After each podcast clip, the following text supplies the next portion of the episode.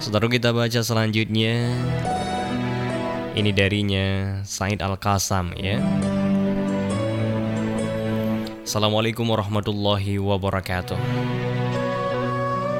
Saudaraku, mari kita buat dakwah di mana saja dan kapan saja dan dengan siapa saja. Jangan terkesan dengan suasana dan keadaan. Anda tukang beca buat dakwah kepada penumpang Anda. Supir taksi buat dakwah kepada penumpangnya. Penjual bakso buat dakwah kepada pelanggannya. Pedagang buat dakwah kepada pembelinya Pegawai buat dakwah kepada rekan kerjanya. Anda manajer buat dakwah kepada bawahan Anda. Operator komputer buat dakwah melalui internet.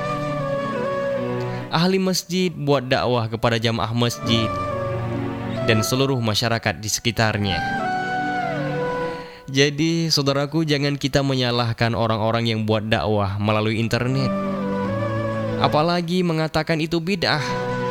Malah suatu kesalahan besar kalau dia tidak buat dakwah melalui internet. Dia sudah punya kemampuan, tapi dia tidak melakukannya. Padahal saudaraku sebagian besar waktunya dia habiskan di depan komputer. Sebagaimana suatu kesalahan besar apabila manajer tak buat dakwah kepada bawahannya. Padahal dia punya kemampuan dan kekuasaan untuk buat dakwah kepada bawahannya.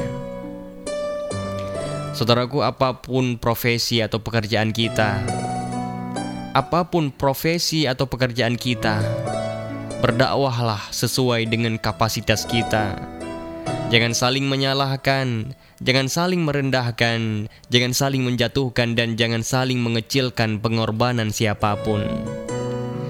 Saudaraku kita berlomba-lomba di hadapan Allah agar diri kita termasuk orang-orang yang diakui sebagai da'inya daripada kita mengaku sebagai dai pendakwah tetapi di sisi Allah tak diakui.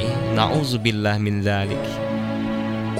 Maka karena itu, mari kita berusaha selalu istiqamah dalam usaha dakwah, dakwah sampai mati dan mati dalam dakwah.